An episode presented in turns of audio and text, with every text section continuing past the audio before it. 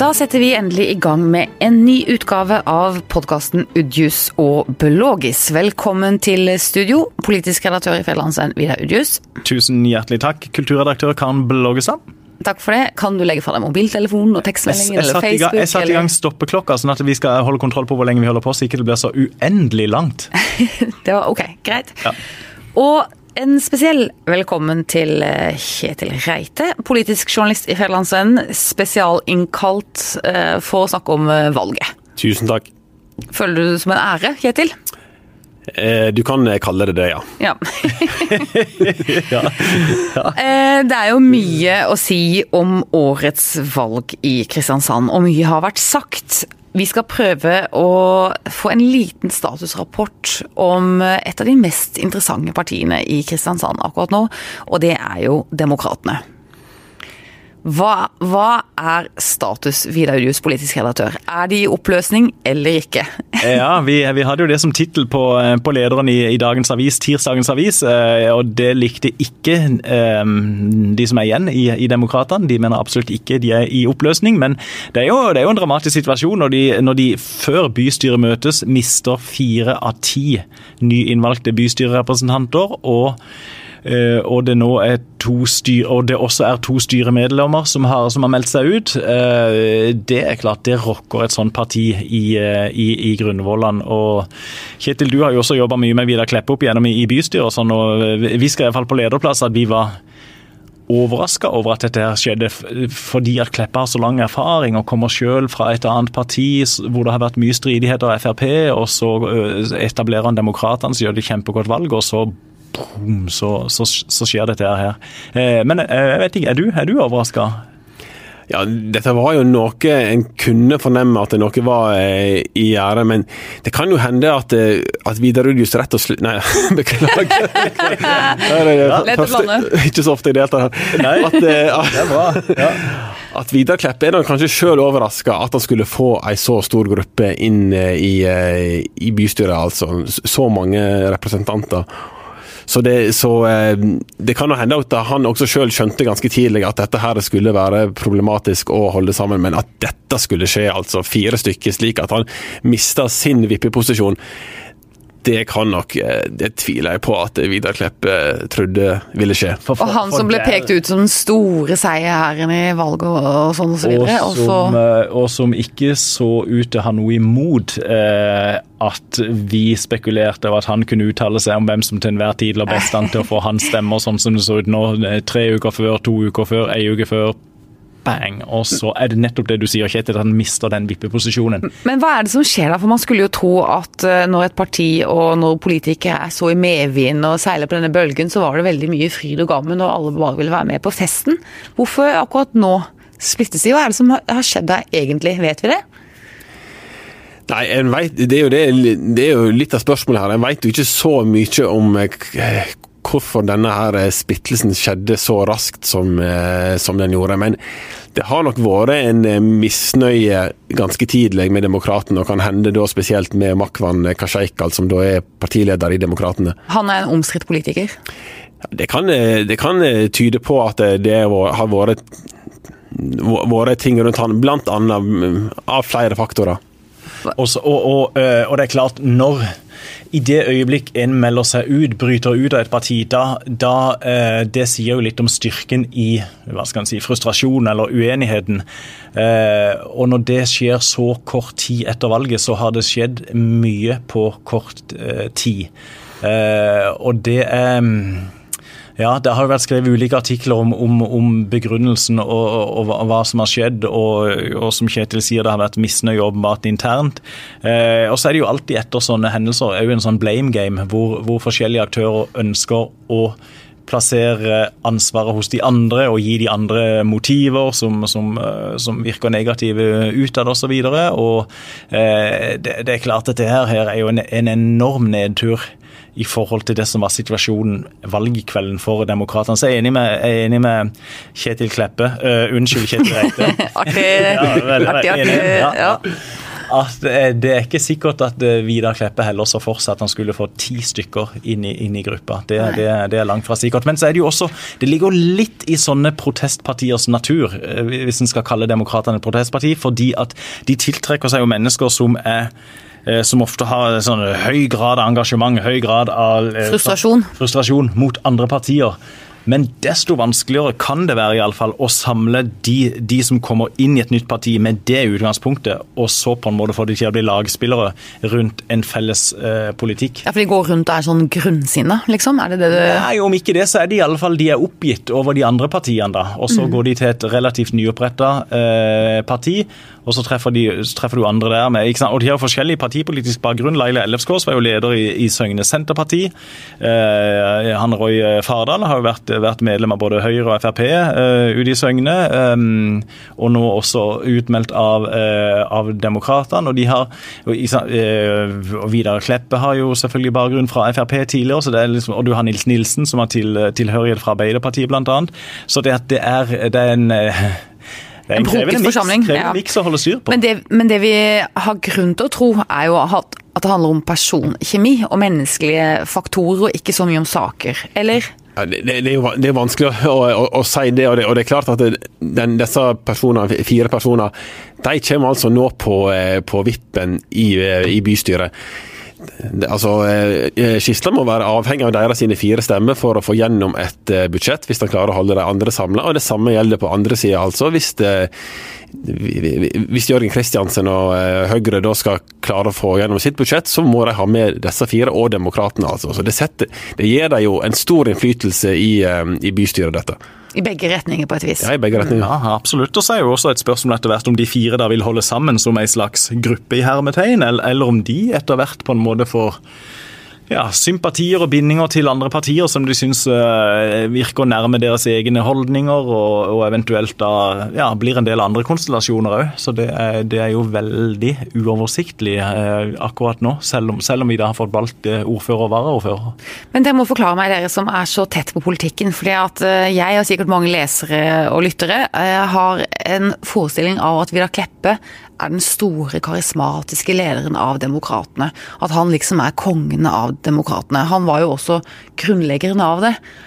Er det ikke han som Altså, har han ikke partipisk? Jeg trodde han var litt sånn effektiv på sånne ting, eller ja, Opplys meg. Eh, ja, det, det, er vel eh, For én ting For å være en, en, god og effektiv partileder, så må du ha flere egenskaper. Én ting er å være god utad, eh, eksternt, og kunne snakke så folk forstår det. og å gjenta et budskap og stå på det og stå på det, sånn at folk forbinder det med det budskapet og de sakene og sånn. Men så kreves det jo kanskje andre egenskaper for å holde Kustus internt? Ja, og en ting er å holde kustus internt, inkludere internt, men òg sette grenser om at nå har vi diskutert lenge nok, nå vedtar vi det, og så går vi samla i den retningen. Um, og Det er ikke sikkert alle, alle, det er jo ikke gitt at alle politikere har, har alle disse typer egenskaper. Det er jo, det er jo sånn sett krevende. Kleppe sjøl sier jo at han er for hva er det for god troen, eller tro for godt om folk. Eh, det høres litt ut som når, i denne boka som Eli Hagen skrev i stor grad om Carl i Hagen. Men, men der, der, der, der, sa jo hun at liksom, grunnen til mange av problemene det var at Carl var altfor godtroende. Trodde altfor godt om folk. Mens det var hun Eli som liksom skjønte hva egentlig disse trøbbelmakerne var. Hun så hva slags mennesker hun hadde foran seg. Ja. Ja, og det, det, er jo klart at, eh, han, eh, at Vidar Klepp har stort sett hatt en gruppe på to personer å holde styr på. og Det er selvfølgelig enklere enn når det er ti. Men det kan likevel ikke forklare hvorfor hvorfor det bare tar et par uker, altså, før gruppa er splitta. Jeg kunne jo forstått hvis det var ute i perioden, altså, men etter, etter, etter to-tre to, uker, altså, det er ikke noe annet enn en svært oppsiktsvekkende det som har skjedd. altså. Og det var jo, det var jo interessant når en så, en så de første tegnene allerede på det første gruppemøtet, som jo var bare et kort antall dager etter valget og hvor pressen ble invitert inn til å være til stede, og hvor det da endte med kampvotering om ledervervet i gruppa, hvor Roy Fardal utfordra selveste Vidar Kleppe. Tapte den fighten, men stilte opp igjen og slo Makwan eh, Kashekal i, eh, i kampen om dette langt mindre betydningsfulle, men allikevel nestledervervet. Det ga jo en indikasjon på at her er det, her er det konfliktdimensjoner som, eh, som, ikke har kommet til overflaten uh, før. Og Det ble jo også observert uh, fra noen som var til stede på det møtet, at det var flere av de nyvalgte bystyrerepresentantene som der hilste på hverandre for første gang. Som ikke bare ikke kjente hverandre, men som ikke hadde truffet hverandre før. mens, og i andre partier, i etablerte partier i bystyret, så, så hadde det vært Kanskje ikke utenkelig, ja. men, men, litt uvanlig i alle fall, ja. at det kommer inn folk som virkelig ikke har, har, har hilst på de andre ja. hver gang. Så, og ja. Vidar Kleppe sier jo at eh, dette eh, Demokratene-partiet er ikke i ferd med å smuldre opp, men valgseieren hans har jo smuldret opp. Det kan vi jo slå fast. Ja. Det har, jo... det, det har han, og som, som Kjetil sier, han, det at han ikke lenger har den vippeposisjonen, mm det, er jo, mm. det er jo for, uh, for smedelig. Så, mm. men derfor For det gir jo veldig, veldig makt, eh, selvfølgelig. Mm. Derfor var det jo også veldig drama i, i bystyret på onsdag for en liten uke siden knytta til om alle de fire faktisk kom til å mm. møte. Eh, fordi at første vararepresentant er jo Arild Buli, som som, som tilhører Kleppe sin, sin, fløy. Så da hadde vi jo i så fall fått en annen ordfører, mest sannsynlig, hvis en av de fire hadde vært forhindra fra å møte. Så det var jo Wow. Ja, eh, ja. nervepirrende. Jeg skjønner at ikke eh, noen av ordførerkandidatene tok eh, noen ordførerstol for gitt før det møtet var ferdig. Men hvordan vil dette spille seg ut i bystyret framover? Vil det være stor spenning knyttet til de store vedtakene i de store sakene alltid? Det vil jo det. Hvis det er litt uoversiktlig og uforutsigbart og ja, det, det, Folk smeller litt med dører og forlater og melder seg inn og skifter litt koalisjoner. ja, det er klart. Det, var, det var jo det spesielle var jo at I utgangspunktet så var det jo veldig stor spenning knytta til både budsjett og de store sakene. Og Så får vi en situasjon der spenninga bare øker. Og Det var jo litt eh, spesielt å være vitne til hvordan folk fra Arbeiderpartiet Miljøpartiet kom og bokstavelig talt omfavna disse fire fire tidligere Demokraten-medlemmene i bystyret. altså. Det viser jo hvor viktig det nå er for Skisland og, og, den fløyen å ha med seg disse her når budsjett skal bli vedtatt og når de store sakene skal gjennom i bystyret. Og på den borgerlige side har jo vært flinke også til å påpeke det litt dobbeltmoralske i, mener de, at uh, Sørlandsnyhetene, som jo var et rom for mange demokratiske stemmer, og som uh, skapte mye av veksten til demokratene, kanskje, at de er nå tatt inn i varmen på rød-grønn side.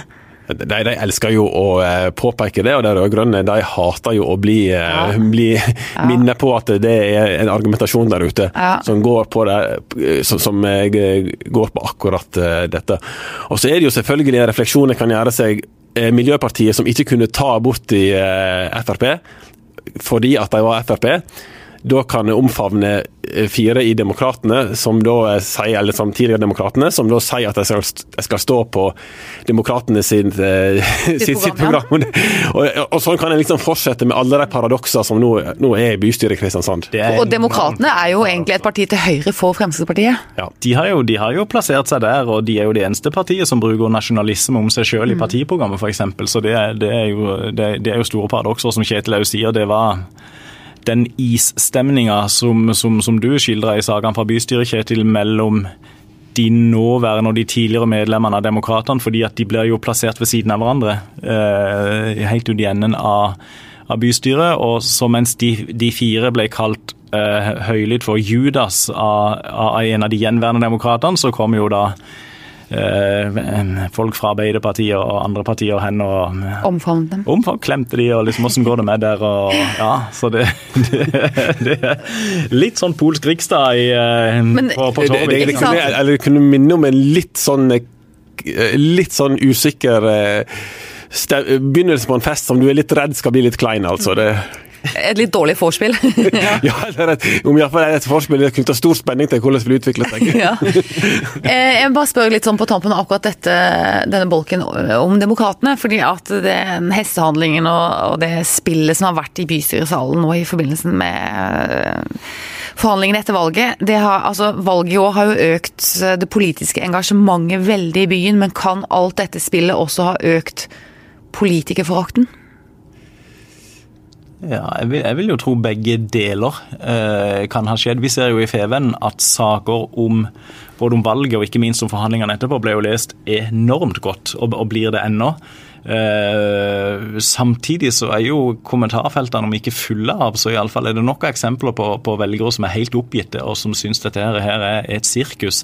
Eh, men jeg tror òg det kan være, være et, et, tegn på og uttrykk for mobilisering. Folk har blitt interessert. Det, jeg, jeg, det jeg syns interessant å følge med på videre, det er hva disse store, etablerte partiene gjør, sånn som f.eks. Høyre. De må jo ha fått seg et skikkelig sjokk nå, altså. Om de nå klarer å mobilisere bredere, om det er sovende medlemmer som nå melder seg inn, og om du får en mobilisering i disse partiene, altså. Om du får noe, en sånn reaksjon nå mot, mot Ja. eh, At velgere og medlemmer tar litt ansvar og melder seg på. Ja, det vil tro at det kan være et, et, et trolig utfall av dette, altså. Samtidig som det er jo høyst legitimt, og det er jo et av poengene med demokrati, at når velgere er misfornøyde, så må de kunne stemme på det som da blir definert som protestpartier, for å gi uttrykk for sin frustrasjon innen det demokratiske systemet. Så, men men hva, hva tenker du, Karen, som sett med dine eh, briller litt ut forbi Du, du reiser iallfall ut av Kristiansand hver ettermiddag. Mm. det, ser det helt kaotisk ut, eller er det eh, Ja, jeg syns jo det. Jeg, jeg syns jo jo det valget også er eh, eh, al, altså, alvorlig på en måte, og det har jo litt med den eh, deltakelsen, eller den rollen som Sørlandsnyhetene har spilt i det. Eh, og da tenker jeg jo at, at litt sånn skitne triks har vunnet litt fram i kampen om plasser i bystyret.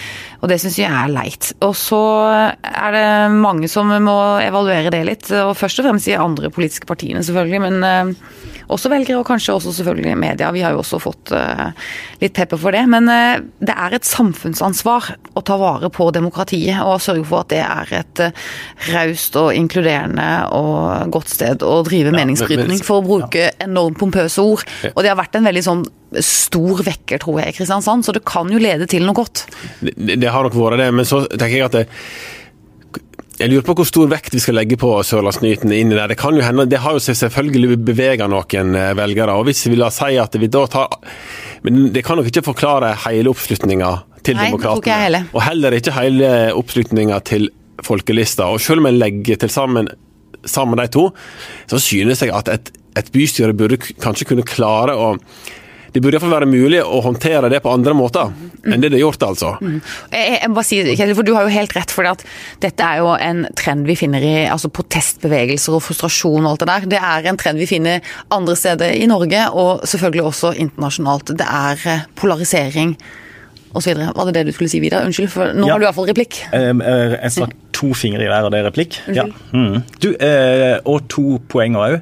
For det første, for når du sier at eh, det er litt sånn bekymringsfullt for demokratiet Ja, sånn ja, men også nei. Igjen fordi Ja. de valgte de, Folk deltok. Folk deltok i valgkanalen, og så stemte de på partier som de etablerte partiene ikke likte. Men det, men OK, sånn er demokratiet. Også, Ja. Og punkt to, i forlengelsen av det Kjetil sier, det var uh, Sørlandsnyhetene har sikkert spilt en rolle, men jeg tror ikke vi skal overdrive heller den rollen, for dette var en del av en svær nasjonal trend. Og Høyre gjorde et dårlig valg, og de gjorde skrekkelig dårlige forhandlinger etter valget. De sitter tilbake med rett over 30 ordførere i hele Norge. De har, de har i løpet av dette valget og forrige valget så har de mista alle storbyene i Norge. Eh, nå mista de også Stavanger, i tillegg til Kristiansand. Også i Stavanger så er det en syvpartiallianse som nå har kommet til makta, og som har forhandla og kommet fram til et eller annet for å holde bl.a. Høyre ut forbi. Så det er Og ikke sant, tverrpolitisk folkeliste re rekrutterte jo mange velgere sannsynligvis på, eh, på havneflyttinga, som jo er en opplagt sak å være uenig i hvis du bor på østsida av fjorden der. Eh, Ja, jeg, tror vi skal være litt vi- viktig det du sier der, da, for at vi, altså store partier de, de kan ha en tendens til å forklare protestvelgere som irrasjonelle. Men her er jo mange velgere som enkelt og greit er imot en del store eh, prosjekt som de oppfatter kanskje som både sentraliserende og, og som eh, er veldig i strid med deres interesser. Det er klart at det, eh, Søm og, og Randesund det er veldig folkerike områder. De ønsker ikke ei containerhavn i sitt eh, nærområde. Det er jo forståelig. Og da blir det jo selvfølgelig og det- Ja, ja. der Der, bor det mange velgere, og der har veldig mange velgere stemt Høyre. Og Mm. der valgte veldig mange velgere å ikke stemme Høyre denne gangen. Det Mm. ble vel i farten, hvis jeg husker det riktig, Høyres dårligste bydel. Ja, en av, en av de dårligste bydelene, iallfall i forhold til hvor de var før. Og det ble folkelistas desidert beste bydel. Så Mm. der var det åpenbart mange som gikk fra Høyre til folkelista. Ja. Strømmesøm. Så det, at det, det er mm. Kjetil og meg er enige om en del ting som Ja, jeg må bare si en ting. for jeg bare sånn, eh, krangler på én ting som du sier i ditt ellers glitrende resonnement, Vidar Udjus, som jeg også deler langt på vei. Eh, jeg, det, fordi at du sier at, eh, eller Dere sier litt at protestvelgere har en eh, evne til å protestere på en måte som makta ikke liker. Men jeg mener at eh, deler av den debatten som har vært i eh, Helt enig i det. Medier er ikke, det handler ikke om å ikke like, det handler om anstendighet. Men, men og hjertens enig i det. Ja. Men, men igjen, til syvende og sist, Ja. altså den, den frustrasjonen også kommer til uttrykk gjennom valgkanalen, Mm. ved at folk faktisk deltar i valg. Det er sånn overordna i alle fall ganske viktig. Men så midlene som er brukt underveis i- Mm. Premiss underveis og så Ja, da, Ja. Men det har vi snakka mye om. Vi eh, går litt over til eh, rett og slett at vi nå løfter blikket litt framover. Fordi at vi må snakke litt om hva blir utfordringene for eh, Kristiansands nyslåtte ordfører eh, Jan Oddvar Slisland framover. Og hva betyr det for velgerne? Hva er det som er i spill? Hva vil skje i Kristiansand nå? Hva vil stoppe? Hva vil begynne? Hva vil bedre seg? Hva vil bli verre? Så da kan dere bare diskutere det, Ja, så går jeg. Så kommer du tilbake om tre kvarter. Så, ja, ja, ja, ja. Getting engaged is a moment worth cherishing. A one of a kind ring that you design at Blue Nile can help your love sparkle. Just choose your diamond and setting. When you've found the one, you'll get it delivered right to your door. Finding the right engagement ring can be nerve wracking. At Blue Nile, you'll have the expert guidance needed and a diamond guarantee that ensures you're getting the highest quality at the best price. Cherish all of life's moments and save up to 30% at BlueNile.com. That's BlueNile.com. Det er den som visste det. Ja, ikke sant? Nei, men den første, Her er det jo 20 000 prøvelsen- ledere i en- Første ja. prøvelsen blir vel budsjettet, Kjetil, gjør det ikke det? Som der legges fram om 14 dager, cirka. Ja, stemmer det. Ja. Og da å uh, skaffe flertall for det, det, det blir jo en prøvelse for, uh, for Jan Oddvar Skisland. Mm, For da er, og da er det eiendomsskatten en vondte, f.eks. Selvfølgelig. Nå, nå kan det jo kan, det, det har vært underlige det har vært underlige samarbeidskonstellasjoner i bystyret før og forrige gang, når Høyre og Arbeiderpartiet styrte lag, så var det vel ett budsjett de klarte å, eh, å bli enige om, eller så ble det andre, andre flertall. Så det er jo en mulighet her, og det vet at Jan Oddvar Skistad han, han mener dette er fullt mulig å, å, å få gjennom, men det, det er klart at her, iallfall hvert som åra går, så kan det er risikoen for Skistad at han må styre på andre sitt budsjett. og det det må jo være veldig bittert for spesielt venstrepartiene, for de har gått inn i dette her for, for å få gjort noe med spesielt fattigdommen sant? og økte forskjeller. Og Jeg kan ikke se andre måter å gjøre det på enn gjennom et budsjett. Og hvis Nei, det handler jo om penger, strengt tatt. akkurat det handler om penger. Det kan ikke du regulere deg vekk ifra, eller du må liksom få det inn i budsjettet. Og hvis, Mm. og hvis du da ikke får gjennom budsjettet ditt, så- er, må jo mye av dette bli oppfattet som nokså forgjeves, altså. Og, og som du også sier, fordi at det har jo vært det har jo vært eh, ganske spektakulære runder i Kristiansand bystyre før. og, da, Forrige gang da, da Jan Oddvar Skisland ble ordfører for KrF, 2003 til 2007, det falt jo Høyre veldig tungt for brystet. Eh, for så vidt også mange i KrF, at han da på en måte fikk med seg KrF over på venstresida for at KrF fikk ordføreren. Men så ved valget i 2007 så tok jo Høyre og Arbeiderpartiet litt hevn i hermetegn ved at de to gikk sammen og fordelt ordfører og varaordførerverv seg imellom. Og som Kjetil sier, så Men blant de som da ikke ble tatt med i den posisjonen, det var jo eh, luringen Jørgen Kristiansen, som da fikk med seg alle de andre partiene. du partiene. sier luringen Jørgen Kristiansen, litt varme, da. Som, Ja, sånn å, ja, det, det er et kompliment, ja. Ja. Jo, men han snekra jo da sammen budsjettflertall bestående av liksom ytre venstre til ytre høyre, hvor alle de andre gikk sammen om å ekskludere nettopp Høyre og Arbeiderpartiet.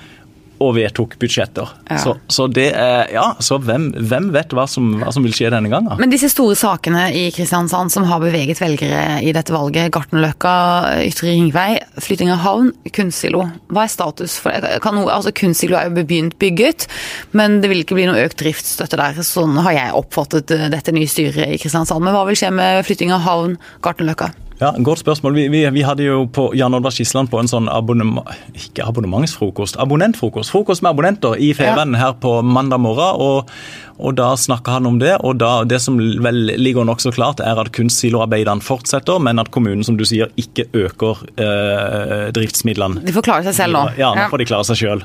Så det, det er jo på en måte en, en nokså enkel eh, Den enkleste av de tre sakene. Så blir det jo da havneflyttinga, hvor de da ganske raskt kommer til å bestille en ny ekstern utredning av KMV-tomta som alternativ. Eh, og så tar de det derfra når den, når den er klar. Eh, men så eh, Gartnerløkka, der, der er du i gang egentlig as we speak, Kjetil, med en sak for hva som da kan skje der. eller For det er jo et, det er jo et komplisert problem. Ja, og det, det er nok det som både, altså Disse store sakene som å flytte havn og Gartnerløkka, det er så lange prosesser. Er at det, det har vel vært havn det var vel snakk om siden 60-tallet at du begynte å snakke om havn i Kongsgård Vige, så det er veldig tunge ting å, eh, å snu. Og Sånn er det med Gartnerløkka òg. Det, det er jo spørsmålet hva handlingsrom du egentlig har til å gjøre veldig store endringer. Skal du endre på reguleringsplaner, skal du begynne å gjøre store ting der, altså, så blir det store utsettelser.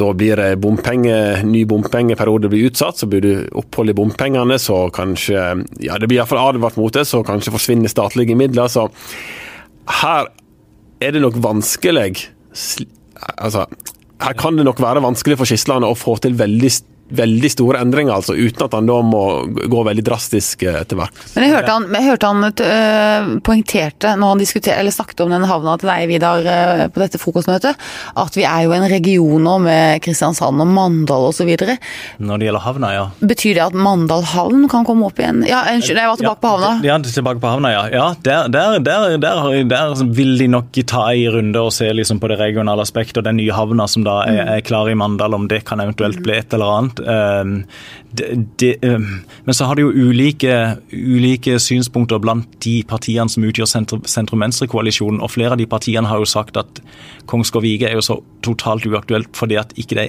kommer jernbanetilknytning der. Det gjør det vel strengt tatt aldri til, til Mandalhavn heller. Nei, Så det, det, og det er kanskje noe, noe som, som er selvfølgelig et, eh, et eh, problem da i sånne koalisjoner. At du Det kan, det kan kalle en slags destruktiv, eh, destruktiv flertall. da, For du, altså, du er enig om å være imot noe, men du har noen parti de vil jo bare beholde konteinerhavna der den er i dag. De ønsker ikke byutvikling der på 50 år, altså. Det, det er en mulighet. Noen vil jo bygge en ny havn i KMV-området. Mm -hmm. så og bystyret nå, Kjetil, det er jo en del politikere av den sorten i det nye bystyret i Kristiansand nå, som vil bare ha ting som det er. Altså, hva er det, altså, som, er, ja, men som er litt imot, eller som er skeptiske til de store byutviklingsprosjektene. I alle fall den retninga de, de har fått. så Sånn sett var det jo, eh, var det jo kan jo også tolkes som en, som en konservativ valgseier, det som, Ja. som skjedde. For det var jo eh, i stor grad sterk motstand mot tre store byutviklingsprosjekter. Mm. Den retninga som de har tatt, Ja, iallfall. fall. det, det, det er du rett i, og det kan en selvfølgelig kalle at det er å være mot endring. Så vil sikkert de mene at det, det er en reaksjon mot sentralisering. altså. Det er tre prosjekt. Det er altså Lagmannsholmen, ny bydel der, det er Kunstsile og det er Gartnerløkka. Det ligger jo kanskje det er Noen få. 1200 meter eh, Ja. mellom der, og det sentraliserer Det, det er Kristiansand-prosjektet. Det er liksom det synet med at vi, her skal vi løfte Kristiansand som et landsdelssentrum. Og det er klart, og når du kommer ut i bydelene, så er, er kan hende ikke det som er det sterkeste fokuset hos, eh, hos folk. Du, jeg syns Kjetil Reite har gode betraktninger, altså.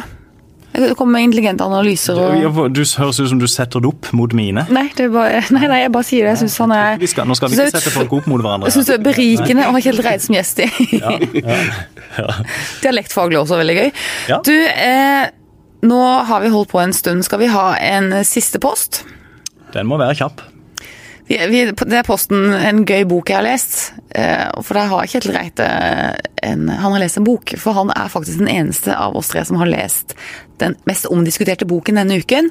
Og det er eh, boken til Hadi Nijie som har eh, skrevet Eller Hadi Njai. Njai, unnskyld, jeg, klar, jeg sier det alltid feil. Som dette. Det var Jeg, bra jeg slapp å uttale etternavnet. Ja. Ja, ja, ja. Si det en gang til. Hadi, Hadi Hadi Njay. Men, Ja. ja, men hva, ja, hva, hva er ditt inntrykk etter å ha lest boka, Kjetil? Ja, altså det er klart, altså Når du som, eh, som småbarnsfar blir liggende til halv tre om natta og lese ei, ei bok, så, så kan en ikke si noe annet. Mamma metoo, det er veldig dårlig tegn, altså. så, så, eh, så må jeg innrømme at det her er en bok som, som gir, inntrykk, gir veldig sterkt inntrykk. Det er det, altså du, du blir veldig engasjert i den.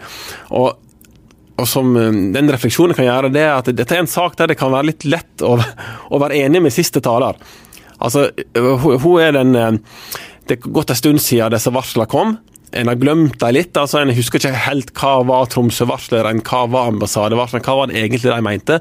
Så kommer det ei så sterkt forsvar som, som går som fillerister de sånn, og så er det lett å, å få en veldig sterk sympati med den familien og den kampen de står i. og Som leser så kan jeg da sitte, sitte igjen med ja, her er det kan hende to forskjellige versjoner av det som har skjedd, og da har hun kan hende oppnådd veldig masse av det hun ville oppnå. Men det, det som er jo den store diskusjonen Vidar Ulius, beklager nå, jeg, jeg må bare spørre, for at eh, det, det, det som jo nesten framstår som en kamp nå, er jo kampen om å, å få være offeret. Eh, hun eh, vil jo hevde at hun er et offer for mediestorm, falske anklager, falske varsler. At hun, er et offer for, eller at hun og Trond Giske er et offer for en veldig maktkamp. Det er vel hennes fremste anliggende. Og så har jo varslerne svart tilbake til henne nå at eh, nå, du er ikke et offer. Altså, vi er ofrene her. Og hva slags følelse har du i forhold til den problematikken? Nei, nei det er jo der han tenker ja, altså jeg kan sitte igjen med inntrykk Ja, de har litt rett, begge. For, for det ville jo vært underlig hvis hvis den familien her ikke skulle gi sin versjon av det som skjedde, og fortelle om, eh, om sin opplevelse og, og jeg, kommer liksom, jeg kommer ikke unna det at det å stå i en sånn mediestorm, det er, det er veldig stor belastning for den personen sin, sin ja. nærmeste. Det, det, kan en liksom, som journalist veldig vanskelig ignorere. da. Og så er jo da spørsmålet om jeg kunne gjort ting annerledes. altså det ja, hva tenker du Vidar, er hun eh, noe annet enn en eh, trofast og lojal kone som eh, tror at mannen er en for god Nei, person hun, til hun, å Hun er jo som alle andre mennesker mange, mange ting. Hun er, hun er, det som Kjetil sier, og en, og en veldig god skribent som, som, drar en leser med gjennom, gjennom, så mange sider til langt ute på, på natta. En småbarnspappa til langt på natta, ja. ja. Og hun, hun har gode poenger i forhold til å skildre hvordan dette ble opplevd helt på, på innsida. Og så ut ifra sitater jeg har lest og gjengivelser fra boka, anmeldelser av boka, så syns jeg hun går for langt når hun da også går inn på å, ja, å angripe varslerne. Eh, diskvalifiserer dem. Diskvalifiserer de. Eh, det, det, tenker jeg. Og, og så er jeg, også, uavhengig av hvordan en leser det, så er jeg litt redd for at jo, jo flere bølger, jo flere omdreininger, jo mer strid i forlengelsen av denne konkrete saken, jo vanskeligere vil det bli for unge jenter i framtida å varsle om noe, fordi at en kan få det inntrykket at det blir bare bråk. Det er bedre, er å tie stille. Ja, og angriper du makta, så angriper den tilbake. Den svarer. De ressurssterke må en passe seg for å legge seg ut med, ja. kan kanskje noen tenke. og Det håper jeg jo ikke blir konklusjonen. Men, mm. men uh, ellers er det jo også sånn eh, politisk, partipolitisk så har jeg jo også forstått det som at hun gjennom denne boka Eh, går langt i å angripe dagens nestleder i Arbeiderpartiet, Hadia Tajik. Ja, og så er hun også, også opptatt av, og det er sånn sett en interessant ting, det blir vel tatt opp i sist i Morgenbladet annet nå, at, at hun tar opp det hun mener er et veldig sånn sterkt samrøre mellom journalister og ledende personer i Arbeiderpartiet. Og, og hvordan varsler kommer lekker til pressa med en eneste gang, altså. Og, og, mens det, det, ikke blir noe tema i den oppfølgende debatten. Det blir det ingen sånn Journalister ønsker ikke å ta det opp, de ønsker ikke å skrive, ønsker ikke å sette det, det på, på dagsordenen. Og vi som er litt i periferien, for oss er jo egentlig det en ganske interessant, interessant debatt, altså. Ja, fordi at uh, nestlederen i Arbeiderpartiet, uh, Hadia Tajik, har jo altså da blitt kjæreste med en eh, journalist fra Dagens Næringsliv, som, og Dagens Næringsliv var ledende i dekningen av Trond Giske-saken. Nå, nå, nå, skriver ikke hun noe om det Nei, i, i den boka. Men det vet jo vi litt sånn ja, underhånden, ikke sant. Det er jo kjent i norsk offentlighet, men kanskje ikke problematisert nok. Han, han journalisten som nå har forlatt Dagens Næringsliv, sier jo at det på en måte skjedde tidsmessig seinere. Ulike tidspunkter. Er, men nei, en enormt interessant eh, diskusjon, det, mm. eh, det også. Og det er jo så mange lag i den diskusjonen, og det gjør vel at vi kanskje ikke er ferdig med den ennå. Så er det vel kanskje en som mer enn noen andre håper at nå må det snart være slutt, og det er vel Jonas Gahr Støre. Ja, ikke sant. Men du Vidar, apropos det, for når vi har sånne kulturelle anbefalinger, så er du ofte litt svak når du kommer til serier osv. Men du har jo sett, og apropos metoo osv., du har jo sett en veldig god NRK-serie som du gjerne vil anbefale. Ja, Jeg vet ikke om jeg skal sette merkelappen kultur på det, men, men uh, den serien som nå ligger på nrk.no og som heter The Clinton Affair, den er veldig god. Handler om Clinton og Monica Lewinsky. Og særlig når en ser den med nåtidens øyne, nåtidens metoo-briller, så tenker en stakkars jente Rett og slett. Og, det var, og, og, og hun ble jo virkelig offer for maktapparatet. Og også det liberale USA trakk hun gjennom søla fordi at hun da ufrivillig eh, måtte vitne om hva hun og presidenten hadde gjort, og som førte til at han løy under ed osv. Herre Lilland. Mens i den dokumentaren der, hun står fram som den kongedama, og som virkelig det er, det er dama. Presidenten, som jo hadde en veldig bra politikk på veldig mange områder, du får jo bare se gang på gang at han løp jo så det rant han for å redde sitt eget skinn. Og du hadde også medarbeidere rundt han som i ettertid nok ikke syns at de gjorde det spesielt eh, bra i den, i den eh, sammenhengen der, når han da har på seg dagens metoo-briller, ikke minst. Ja, Det er jo interessant, for da kan man jo håpe at uh, metoo-kampanjen, som var verdensomspennende, i hvert fall i den, verdensomspennende i den vestlige verden, eh, endret eh, noe. Og at hvis Monica Lewinsky-saken hadde dukket opp i dag, så hadde den blitt håndtert annerledes, kan vi tro. Men at eh, amerikanske presidenter lyver, da er iallfall ikke det noe nytt. Det, det, Var det også det kan vi runde av med, så har vi liksom en litt høyere himmel over podkasten òg på slutten. Ja. Vidar og Kjetil, tusen takk for at dere var med i podkasten. Det var eh, Selv takk. eh, jeg, Takk. jeg tror jeg går ut fra studio som et klokere menneske enn da jeg kom inn. Nå vil noen si at det skal ikke så mye til, men det var virkelig en god oppdatering. Lag merke til at vi andre sier ikke noen ting. Ja, nei, jeg vet. Jeg hørte også det blir bare taust. Og tusen takk til alle dere som hørte på. Vi høres igjen neste uke.